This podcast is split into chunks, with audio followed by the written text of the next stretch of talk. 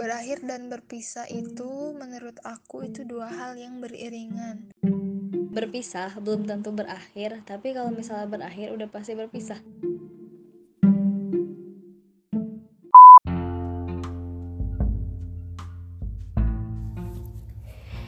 Berpisah bukanlah akhir dari segalanya. Kita masih bisa berbagi cerita, juga pengalaman, dan bisa menjadi pendengar cerita yang baik untuk sesama.